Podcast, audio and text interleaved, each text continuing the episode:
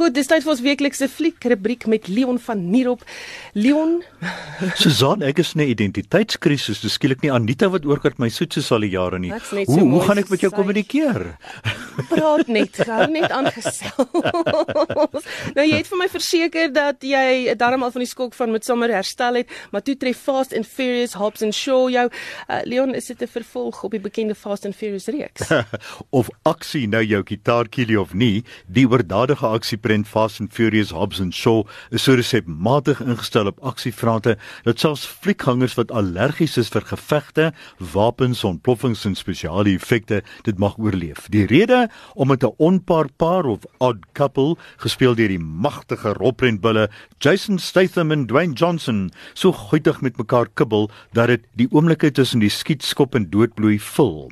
Voeg daarby Vanessa Kirby as 'n vrou met 'n virus wat onskadelik gemaak moet word en jy het 'n suksesresep. Maar Susan om jou vraag te beantwoord, dis nie 'n vervolg op The Fast and Furious nie, maar 'n sogenaamde spin-off. Susan, kom ek uh, klits jou gou 'n bietjie om. Wat sê Afrikaans vir spin-off? Daar is nie 'n Afrikaanse woord vir spin-off nie. Ja. Moet ons vir Willem Botha vra? Ja, ek Ek dink dink ons so. moet. Wel, dis 'n spin-off. Net enkele karakters uit daai reeks word gebruik en beslis nie Vin Diesel nie. Dis 'n testosteroon piknik met eysterfrikadelle. Die sweet spat oor die lens, macho aggressie en oorlogskrete dawer deur elke rampie terwyl daar meer ontploffings is as tydens 'n vulkaniese uitbarsting.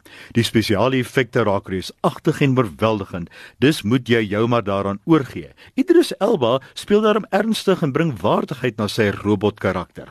Hou jy van oormatige aksie? Verkies jy helikopters, motorfietsse en motors wat in dollare skop af tonele jaag, ontploffings erger as 'n gasoond wat aan flarde skiet en kwinkslaap wat dodeliker as koels is bo breinvoedsel? dan het jy jou fliek gekry. Fast and Furious Hobbs and Shaw is buitensporige manlike aksiekapriolle met selfs so ietsie vir vroue 7 uit 10.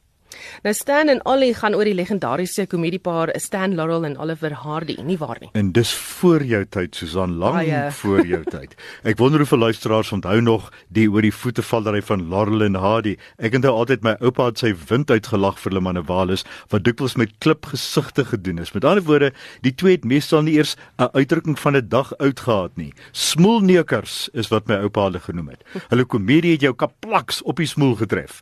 In Stan en Ollie word hulle tragiese verhaal met deernis en amper ontsag vertel. Komediante is mos dikwels die hartseerste mense wat daar is en die twee se rolprente het baie persoonlike probleme en selfs wetywering tussen mekaar versteek, ook persoonlike tragedie en hunkerings. Vrolik op die oppervlakte, maar baie hartseer daaronder. As jy dus nog die komediepaar onthou en jy's nie lus om te kyk hoe Hobbs en Shaw mekaar opvoeter in Fast and Furious nie, sal Stan en Ollie jou aangryp, net vir fliek entoesiaste 8 uit 10.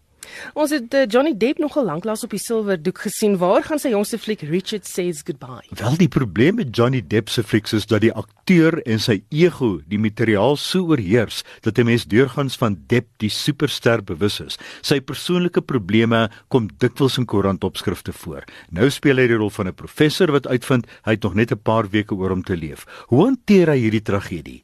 Hierdie professor laat nie op hom wag nie. Hy klits tragedie vinnig onderste bo en probeer om sy hele verlore lewe binne enkele weke in te haal.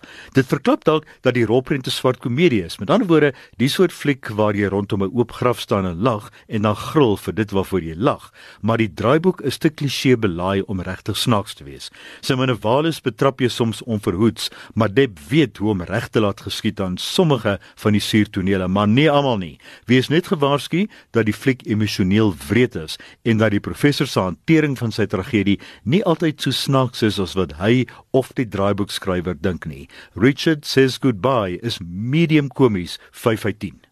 Nou omdat die lang naweek voorlê, is daar darm seker ook ietsie vir die kinders ook. Wel Terra Willie ja, 'n animasieprent lyk maar faal teenoor The Lion King, maar as die kinders reeds saam met die leeu's gebrul het, terloop Susan The Lion King het al 55 miljoen rand in 10 dae in Suid-Afrika verdien. Sjoe. Mag hulle dit geniet om saam met Willie in die ruimte te tuimel en na sy ouers te soek.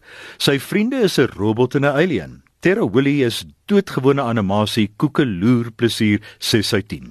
Lees die resensies op ons webtuiste erisg.co.za, klik op fliek rubriek of jy kan dit ook op pot gooi hoor.